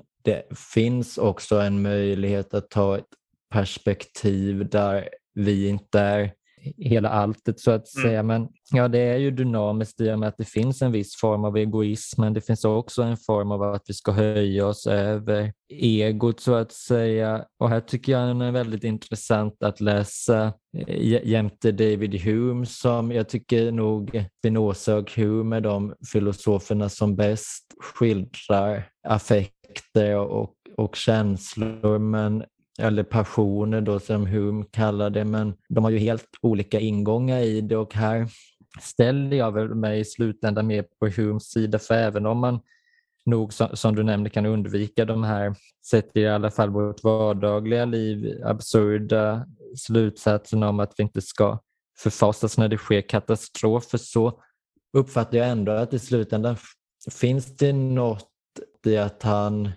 underkänner affekternas följder, att vi måste involverade i förståndet. Och det är väl en sån aspekt jag också får svårt för i, idag med så kognitiv psykologi och liknande, att blottläggs allt i förståndet så blir det tydligare för oss och det tar oss till ett bättre tillstånd, att det finns någon sån, alltså att rationaliteten peka ut passioner, känslor eller affekter som sin motsats någonstans. Att något som inte är på dess nivå ännu. Men, men det, det jag uppskattar med Spinoza är just när han mer sakligt betraktar affekterna, att vad är de egentligen och att han visar att de faktiskt har en riktning och att de egentligen bär på något som kan benämnas för rationalitet. Och ja, det är ju för att tala om Hume då igen att han går ju så långt så han menar att det, egentligen inte finns något eh, förståndigt skäl till att vi inte ska vilja att, att hela världen går under utan det handlar om vår passion inför det. Och då, där blir det också en fråga om hur man avgränsar det. Tänker jag att egentligen finns det inte någon tydlig skiljelinje mellan tanke och känsla. Och jag tänker att eh, det affektiva eller passionerna är kanske inget annat än det som motiverar oss hela tiden och mm. ja, det, det, kan ju vara en ond motivation men, men den här tendensen som ju är ganska typisk i filosofihistorien och, och i teologin också att eh, det finns något primitivt med affekterna, den ställer jag mig frågande till och jag tycker mig ändå skymta det hos Spinoza. Hur tänker, hur tänker du kring det? Har han den tendens? Det är, lite, det är lite tudelat där därför att man kan se på Spinoza som den här kalla, kliniska förnuftsfilosofen, liksom en av rationalisterna som allt ska vara förnuftigt och hit och dit. Men man kan också se på han som en av de filosofer i historien, eh, filosofihistorien som just tar känslorna eller, eller affekterna på väldigt stort allvar. Och jag tror att den här, återigen den här holistiska bilden, alltså att förnuft och känsla är inte helt det är inte två saker hos Spinoza som helt lätt går att kliniskt skilja åt på något vis. Vi kan komma in på det här med till exempel hans kunskapssyn här, tänker jag. Han, har, han säger att det finns tre typer av kunskap. En som handlar om eh, sinnesintryck och, och eh, erfarenhet så från världen som är ganska den lägsta nivån. Här, här, har han också en hierarki. Sen har han steg två, då, mm, den rationella kunskapen, som eh, går ut på att identifiera sanning hos olika föremål och relationer och tänka utan motsägelse och sådär. Och, och det, det, är ju här liksom rationalismen verkligen syns, att han är en rationalist. Men sen har han en tredje form av kunskap och, och det är den högsta formen av kunskap. Den som handlar om intuition och som bara kan nås med hjälp av känslorna. Den kan inte förnuftet nå fram till alls. Utan, och här handlar det om kunskapen om Gud. Då. Och den här kunskapen är intuitiv, känslomässig. Här höjer han verkligen känslorna till skyarna så att på ett sätt så är han en känslofilosof sådär. Samtidigt som han framhåller förnuftet. Ja, det sker någon vändning också uppfattar jag att ja, tredje kapitlet är ju mer, mer beskrivande men sen, sen är fjärde kapitlet, ja, bara man betänker namnet på det, att det handlar om en träldom någonstans och, och här kanske det blir också så som det senare hos existentialister, att det, det, att vi använder förståndet men för att komma tillbaka no, någonstans att vi hamnar fel i, i det till en början. Ja, att det blir nästan dialektiskt att vi börjar i, i det träldomen till det affektiva och så kan vi övervinna det med förståndet och då komma fram till den här högsta formen av kunskap som är intuitiv. Då. Och sen är det ju värt att nämna efter här också att han talar om gott och ont och att han egentligen det handlar om perspektiv, gott och ont och det är väl samma som det vi nämnde med kunskapssyn egentligen. Att på ett plan kan man se det som relativistiskt men relativismen handlar om att det finns, ja, det finns en det finns en faktisk kunskap och just därför uppkommer relativitet, att det snarare är på, på det sättet. När han tar upp gott och ont så, så är det ju, det, det blir någon slags moralisk realism eller naturalism, så där, att, att han vill bort ifrån ondskan som någon metafysisk storhet eller, eller någon substans i sig eller, eller så, utan det är ju det, det som vi uppfattar som ont, det är ju just det som hindrar oss från att vara i besittning av något gott eller något i den stilen, definierar han det som. Och det goda är det som är i sanning bra för oss, så att säga. Och man ska inte tro att bra i det här bemärkelsen betyder allt som får oss att må bra på ett ytligt sätt, utan han har en väldigt tydlig bild av vad det här bra ska vara då. Och det är väl också hans avgränsning, tänker jag, av förnuftet, att det är ett sätt att kunna närma sig deras strävan efter att få den här kunskapen om, om Gud och, och där i sista kapitlet nämner han också, också själen att eh, själen är en avgränsning egentligen av, av den här kunskapen om det han menar är är nödvändigt eller liknande att, och att själen också är något annat än affekterna. Och här, detta tycker jag nog är, även om jag eh, kan ifrågasätta mycket i filosofi så tycker jag det är en av de eh, mer tråkiga nackdelarna hos honom eftersom det är så tidstypiskt att han blir människocentrerad i slutet skulle jag säga i slutändan. Att eh, han nämner på något ställe om djuren att de att detta att vi egentligen bara engageras av någon som är vår like, att vi bara kan, att den, bara den som är vår like på allvar kan engagera oss. Och ja, här blir det ett mänskligt perspektiv, då, vilket jag också uppfattar egentligen skulle kunna befrämja oss från hela det här alltet som egentligen eh, hans rationella kärlek handlar om att, eh, mm. att omfamna någonstans. Ja, det där stycket kommer inte jag ihåg på rak arm sådär, utan jag tänker samma som du, att om det är så att han beskriver det på det sättet så är det ju en, det skulle ju bara vara en brist i att verkligen känna Gud då, eftersom att såväl andra varelser som de som liknar oss är en del av det här hela. Men han pratar ändå om andra djur som Guds varelser på samma sätt som människan, alltså, vilket i sig bör ses som radikalt vid den här tiden, tänker jag. Om man ska prata om tidstypiska inslag så, så säger han ju liksom att ja, men en, en häst har sina affekter. Liksom. Den, den är egentligen uppbyggd på samma sätt som en människa. Och, och man kan ju anta då att den också har liksom, attributen själ och utsträckning på samma sätt som en människa.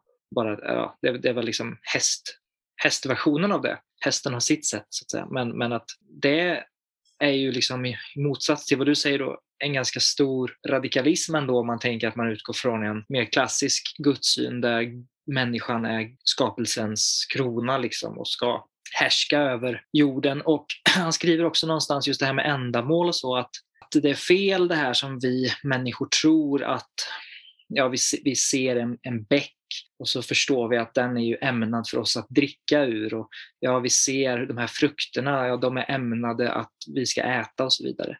Så där är han ju inte människocentrerad, utan där har han ju det här gudsperspektivet hela tiden att det är bara så som vi uppfattar det i vår enfald. Men det är inte sant att, att det förhåller sig på det här sättet. Dessa ting är inte skapta för oss, har som ändamål att vara liksom våra nytta. Sådär. Nej, jag, jag uppfattar mycket i boken att det är som att det växer fram nästan som parallella tankesystem. Ibland att detta med med djuren kommer han ju då fram till när han får, med den här, när han får en ännu tydligare definition, eller ja definitionen har han ju tidigt men ja en undersökning som fördjupar definitionen av själen, att då blir det någonstans att själen är den här kunskapen om det som är oundvikligt. Och det blir också en så besynnerlig sak tycker jag, för människan har ju en ganska unik tendens att eh, förneka det oundvikliga och inte finna sig i det. Människan är väl på ett sätt sämst för, för detta så det, det, är lite, eller det är lite olyckligt och där är väl också att han den här naturrättssaken också som finns hos honom, den uppfattar jag inte heller riktigt eller det blir något som är vid sidan av som visar när boken är skriven mer något som på allvar går att eh, utvinna något djup i hans system. Det är någonstans att det finns en viss blick i de här, eller i hans system. Han har attributen till exempel, ja, människan känner bara till två av de här attributen som finns. Det finns oändligt med attribut säger han, mm. men människan känner till endast två. Och eh, någonstans är det liksom Heideggers utgångspunkt också att vem är det som ställer den här frågan egentligen om varat? Ja, det är ju vi. Eh, det är inte djuren som ställer den frågan. Men det mer sympatiska där hade ju varit att kanske inte då börja spekulera allt för mycket i hur mycket sämre eller liksom lägre stående dessa varelser då eh, är utan snarare lämna det lite mer därhän och, och kanske snarare fokusera på de likheter som ändå, mm. som ändå kan ses. Då. Och, eh, för det blir ju att man säger liksom att ja, vi känner bara till de här attributen därför att vi är människor, men nu ska jag ändå spekulera kring andra djurs äh, äh, affekter och äh, liksom andra attribut. Typ ja, det är intressant med att det här med att det finns många attribut och det, det är väl som vi talade om ursprungligen kanske möjligheten till att Spinozas system faktiskt inte behöver vara dogmatiskt, att vi vet väldigt lite om eh, verkligheten. Sen är det ju intressant att han just väljer utsträckning och tanke, tänker jag att eh, tanken är något som är närvarande för oss och det kanske räcker så, så får vi kunskap om det. Alltså att, att det blir lite där Descartes godtycklighet möjligen. Att, är det de här två attributen och hur, hur ska dessa två attribut och hos Descartes substanser då, hur ska de, de kunna eh, särskiljas som det? Och här funderar jag det är jag också på om det blir så att det bara är den här avgränsningen.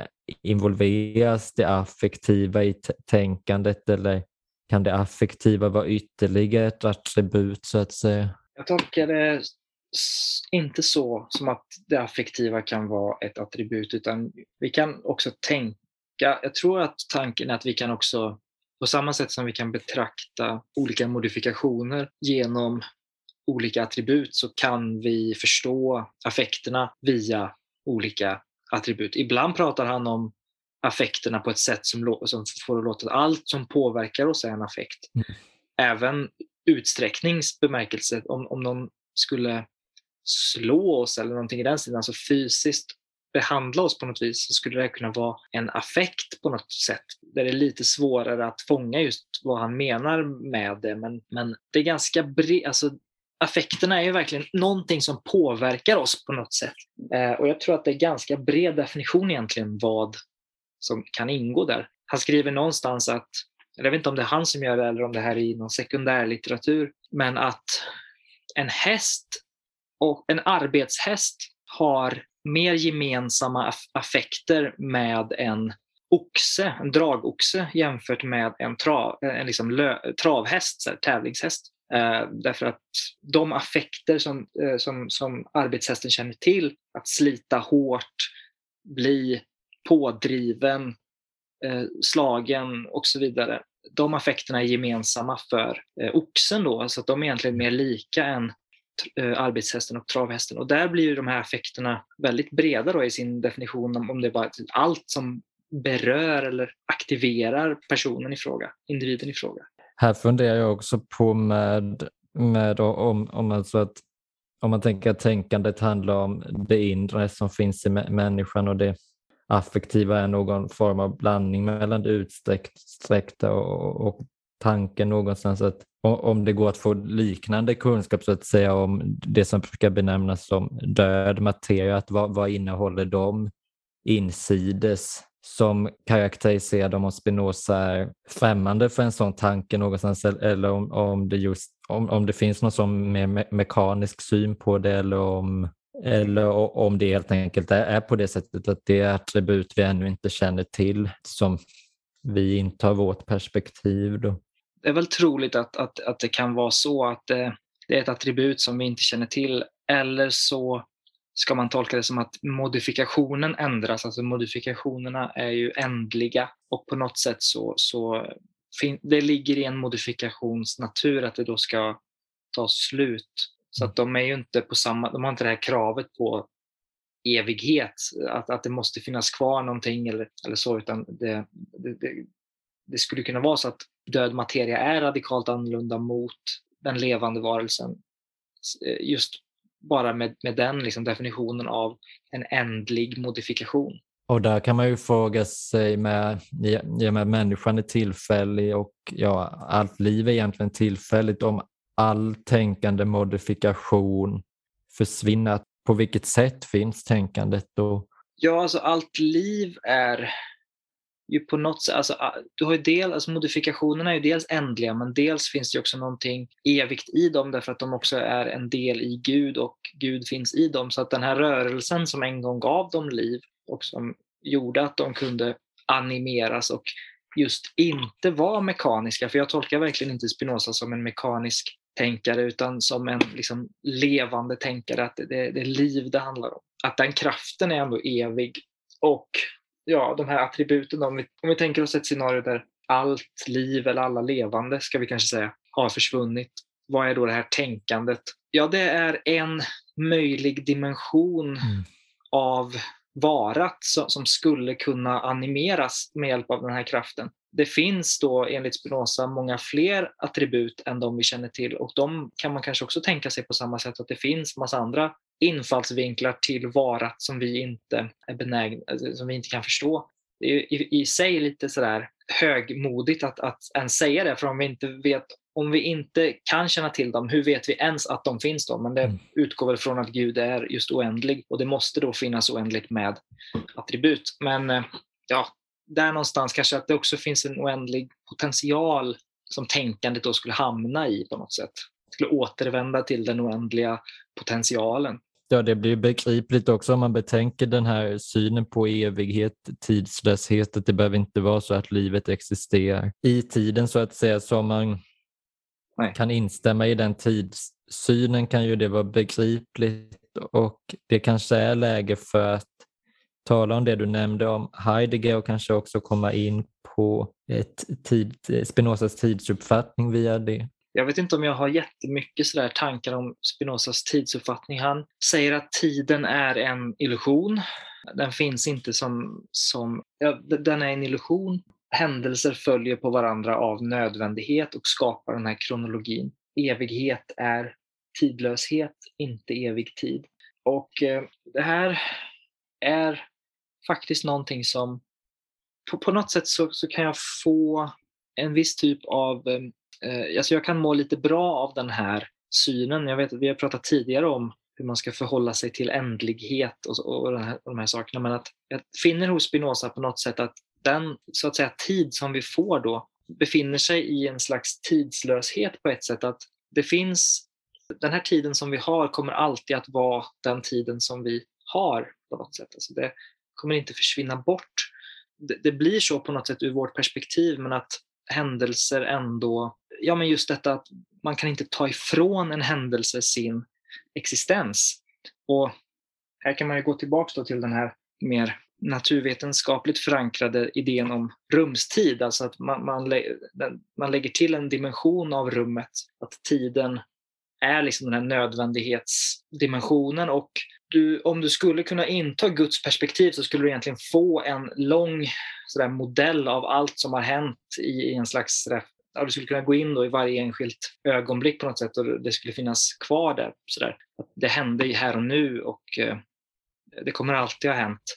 där och då så att säga. Men, men du kan få ta över där i, i övrigt vad du tänker på kring, kring detta med tid. Ja, det jag funderar på är något som väl uppkommer med ganska många filosofer jag läser och ja, så jag nämnde förut att jag tycker det går lite hastigt där med men när han talar om att det inte finns något tomrum som separerar till olika världar och så som möjliggör eh, den här substansen då i och med att det egentligen är det allting eh, bygger på någonstans. Och här tänker jag väl som så att det man talar om som lokalitet och liknande och, och, och sånt som möjliggör att det finns en rörelse, en eh, riktning. När, när det talas om tid talas det om att det, det är mycket något som måste visa sig på olika sätt via något annat i mångt och mycket. Men när det talas om rummet finns det en annan utgångspunkt som jag tycker blir svår i att det är som att rörelsen, kunskapen om att det finns rörelse och att den förekommer är redan eh, vunnen för oss någonstans och där är väl Parmenides som jag nämnde förut den mest eh, radikala för det men han drar ju den slutsatsen också att ja, rum kräver intighet. Intighet kan per automatik inte finnas för då vore det inte intighet och om inte intighet finns kan det inte finnas tomrum och då kan det inte finnas rörelse. Men om vi har en bild någonstans av att rörelse är någon form av eh, förvandling så att säga och eh, ja, att det egentligen inte finns de här, någon konstant som många filosofer har velat peka ut, då tycks det som att rörelse faktiskt finns. Men då är frågan hur är det möjligt att rörelse finns, tänker jag mig, och då blir tiden snarare något som föregår den faktiska rörelsen eh, så att säga, så att tiden blir något föregående och om det är på det sättet jag tänker att då får vi en väldigt mycket mer splittrad tillvaro eller värld eller världslighet eller vad vi nu ska kalla det än den eh, Spinoza talar om. Och det är väl också det luriga i att eh, följa med ett sånt här system att ja, hamnar man efter på någon punkt kan det vara svårt att hur, hur blir det med följande punkter som följer av, av detta nu och när jag talar om den här övergripande eh, synen jag har på Spinoza så är, är väl just detta, detta med tiden och rummet utgångspunkt i det. Att jag, jag tycker att det är betydligt mer väsentliga begrepp än vad han gör gällande. Jag tycker att det är svårt att frambringa någon essens på det sättet han talar om, såvida det inte är i den bemärkelsen du talar om nu med någon form av potentialitet, då tycker jag det blir mycket tydligare vad, vad attribut eller essens skulle innebära. Men å andra sidan tänker jag väl att om vi har potentialitet så kommer det tillbaka till frågan om eh, tid och rum eller ja, tomrum. Då. Har det någonting att göra med liksom att, att det finns olikheter, att saker och ting... Jag tänker på alltså Marcus Gabriels invändning någonstans. Ja, den är ju något besläktad. Mm men det är inte riktigt det. Eh, nej, alltså Marcus Gabriel tycker jag, alltså hans grund, grundpoäng där att världen kan inte innefattas i världen. Han, han har skrivit en bok då som heter Varför världen inte finns och hans grundpoäng är att vi tänker oss att det finns ett stort universum och så, så har han de här meningsfälten då att eh, ett meningsfält är något där något framträder för oss. Men var någonstans skulle egentligen en värld framträda? Frågan är någonstans så. Det tycker jag väl är en god fråga utifrån en undersökning av de här aspekterna, men de exemplen han tar, som, som jag vet vi skrivit om tidigare, han tar ganska vardagliga exempel. De tycker jag väl egentligen inte lyckats motbevisa Spinozas eh, substansbegrepp. Mm. Ja, nej, men all, allt det här är väldigt spännande och ger ju, eh, det bjuder in till att liksom fortsätta tänka och ha den här konversationen då som en stor filosof ska eh, göra. Och eh, för att komma tillbaka då kanske till dels hur Heidegger skulle kunna, hur Heidegger skulle kunna ha en konversation med Spinoza och sådär, vad, vad vi finner värdefullt kanske med Spinoza och hans och etiken då.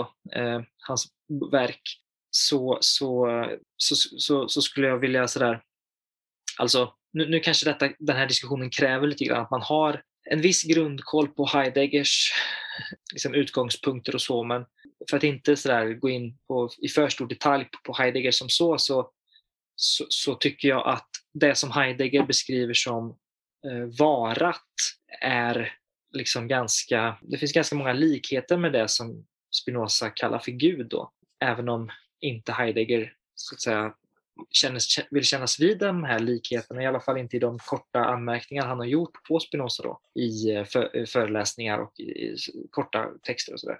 För på något sätt är ju, som jag sa förut, alltså Spinoza för Heidegger är bara ytterligare en av de filosoferna som ägnade sig åt varaglömska. Och varaglömska kan man säga definieras att man missförstår ursprung, den ursprungliga frågan. Alltså man, man tar fel. Det, ontologiska eh, misstaget, eller vad man kallar det. Alltså att du tar, du, du tar fel på det som är varat i sig och det varande. Och det här är en ganska sådär komplicerad diskussion, sådär, vad som är varat och vad som är det varande. Därför att varat går egentligen inte att få syn på utan, utan att man ser det igenom det varande och sådär. Så ja. Men det som glöms bort då tycker Heidegger i den här varaglömskan, det är någonstans det, den ursprungliga erfarenheten av varat.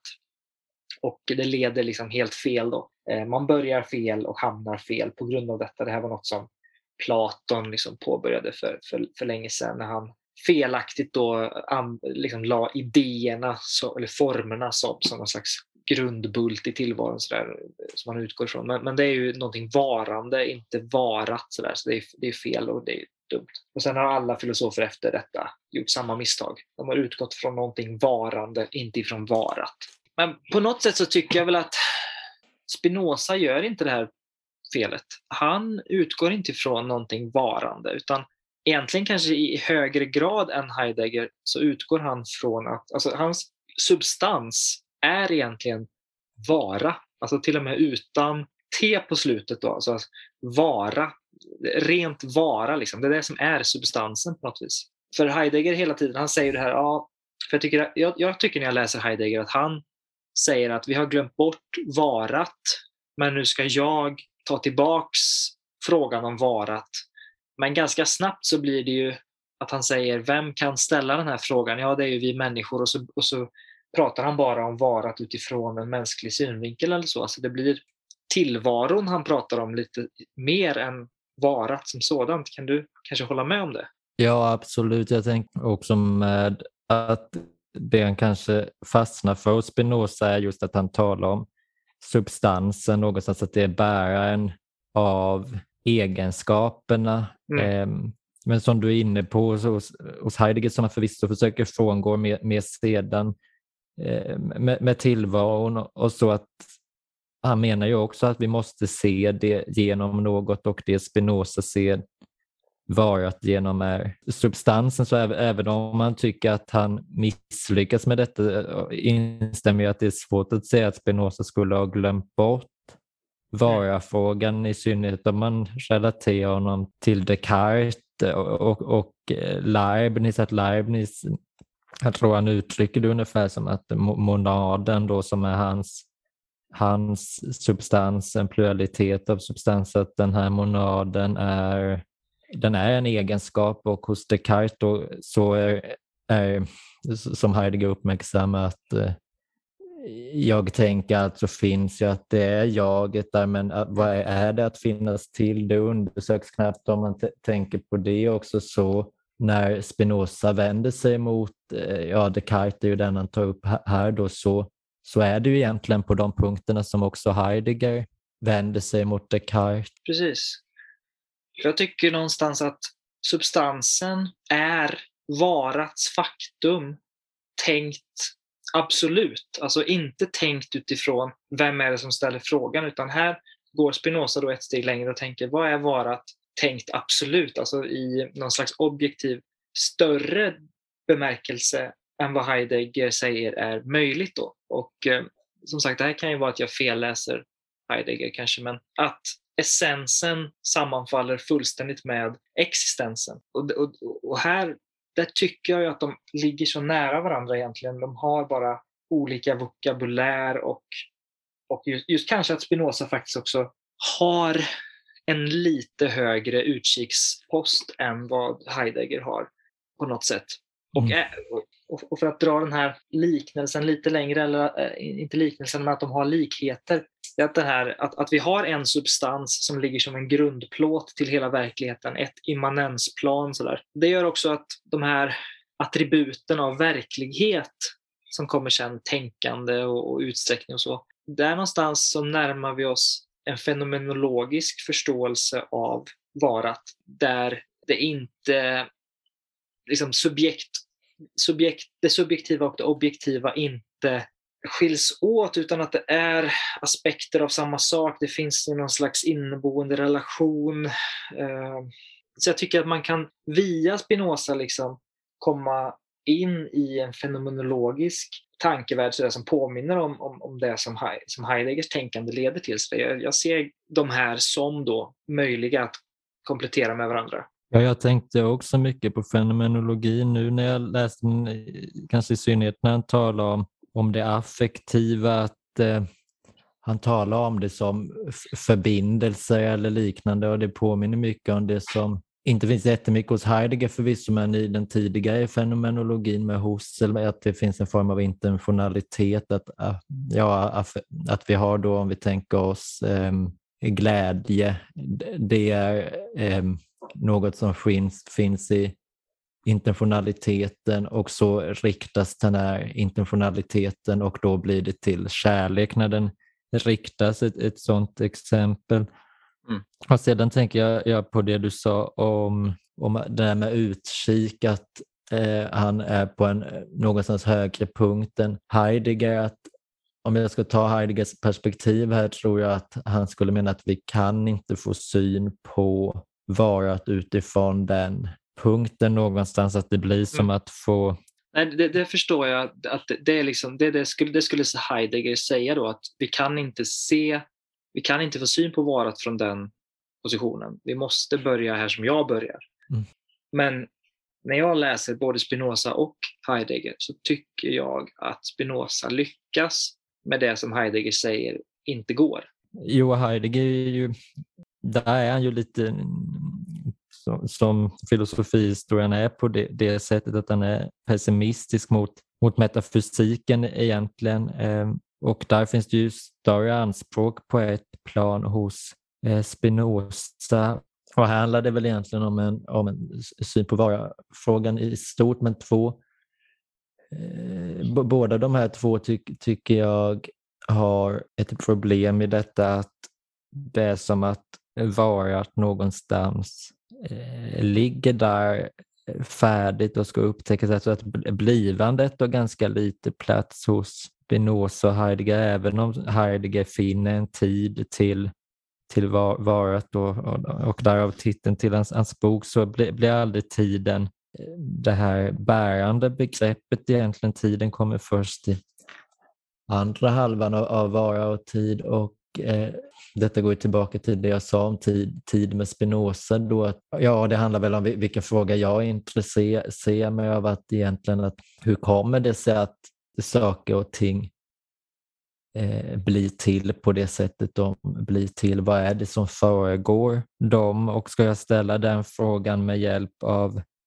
Spinoza uppfattar jag väl att jag får lite det problemet som när, när jag läser Platon, att jag, jag vill gå till den här, det här attributet eller vi går till idévärlden och ja, vi, vi kan gå till attributet och, och då komma fram till att det är något potentiellt i den här kraften som, som frambringar eh, allt. Men eh, varför blir det till på det sättet det blir till så att säga? Att någonstans fortsätta vara fråga med den frågan om, om ett fråga om blivande, att där kan jag uppfatta att det tar stopp när jag läser Spinoza. Ja, och där kommer man ju till då att det inte finns några ändamål. Så, där. så varför, varför ja, det är Gud som är den här skapande kraften. Det är han som ser till att det här blir till. Men varför gör han det? Ja, på något sätt är han ju då orsak till sig själv eller sådär. Alltså det finns ingen alltså han är ju sista, the final frontier liksom. Du kommer ju inte längre än, än till Gud. Han, han ska vara den här orsaken till sig själv. Så hos Spinoza, det stämmer nog att du får inte liksom något större svar där därför att du är framme vid den sista pusselbiten och Gud förklarar sig själv. Han är den här skapande kraften. Han skapar och fyller världen med sig själv och sin kraft och det är det, det, är det som är. Men eh, så, så den sortens liksom stora varför-frågor som handlar om intention, som handlar om syfte, stort syfte och sådär. Det får man ju inte hos Spinoza. Nej, jag tänker att också varför-frågan kan eh, skalas av i att egentligen behandla att vad är det för process? något måste ha skett som gör att världen är beskaffad på det sättet den nu är beskaffad. Och den frågan blir, blir också svår att ställa för då krävs det att det finns en tid här någonstans och så finns det en tid där och så finns det en blivande tid eller ja, parallella tider eller vilken tid man nu har. Men att det i alla fall finns någon sån uppdelning och det låter sig väl inte riktigt ske. Hos Spinoza och där tänker jag också på, på det du sa förut om essens och existens att de smälter samman hos Spinoza. Och ja, på ett plan är ju det vad Heidegger också eftersträvar, tänker jag, men samtidigt är väl det som har skymt var frågan att de inte har separerats också, även om Spinoza gör det på, på sina ställen. Jag, jag tänker så som Heidegger skriver filosofi historia, att det handlar om egenskaper he, hela tiden. Om man tar ja, Descartes igen, då, att det, handlar om tänkandet, samma hos eh, Kant, att det handlar om förståndskategorier. Att, och där är ju Heidegger också lite tvetydig, att på, på ett plan så måste vi ju få syn på varat genom eh, ja, som du sa, något varande, då, men samtidigt finns det också varat i den här blotta existensinnebörden som, som inte innefattar essens på, på samma tydliga sätt, eller hur jag ska säga. Ja, och som sagt, jag, jag är ju medveten om att det är en eh, något sådär, i någon mån originell, ett originellt giftermål. Därför att som sagt Heidegger själv skulle ju vända sig emot det då, i alla fall enligt de korta stycken vi har att gå på. Och det är väl inte supervanligt i övrigt att, att se Spinoza och Heidegger blandas. Det har gjorts ibland, har jag sett eh, försök och sådär, men det är inte sådär supervanligt. Och det är ju dessutom det här med liksom när man ska läsa Heidegger överhuvudtaget, hur man ska tolka vara. Det, det, det, har jag ju förstått att ett fel som man inte får göra sådär när man läser Heidegger, det är att tolka varat som ett gudsbegrepp. Liksom att upphöja varat till någonting transcendent eller, eller så. Eh, nå, någonting, ja, han skulle säkert uttryckligen kunna säga att man ska inte tolka det som en substans eller något i den stilen. Men det är just Spinozas specifika version av substans, hans specifika version av gudsbegrepp som ändå gör att jag tycker att oavsett vad Heidegger tycker om saken så, så tycker jag att det finns så här, rik frukt att hämta där. Det, det, är värt att försöka få ihop de här två. Och sen har jag ju också hur man ska tolka det här med friheten hos Spinoza. Där har vi ju eh, Simon Weil som säger detta att eh, ja, men, enda undantaget från tyngdlagen är nåden. Mm. Och tyngdlagen är ju liksom en fysisk kraft. Så där. Jag, jag tänker att det är determinismen. Då. Den härskar överallt utom där nåden får råda. Och nåden, ja, det, det kopplar vi till Gud. Alltså att, för Gud är den här skapande kraften och vi har Gud i oss också. Mm. Så att vi har också en del av den här skapande kraften. Så att när vi kommer då till vårt högsta stadie, då, när vi faktiskt kan inse vår natur och våra mål så där på en djup nivå, så kan vi... Det är liksom en, en gest av nåd från Gud att vi kan få ta del av hans skaparkraft och bli fria. Då. Alltså vi kan, tyngdkraften regerar, härskar överallt utom där nåden råder. Så, där. Och, och, så med, med, hjälp av Simone Weils vokabulärer så, så tolkar jag alltså friheten i Spinozas system.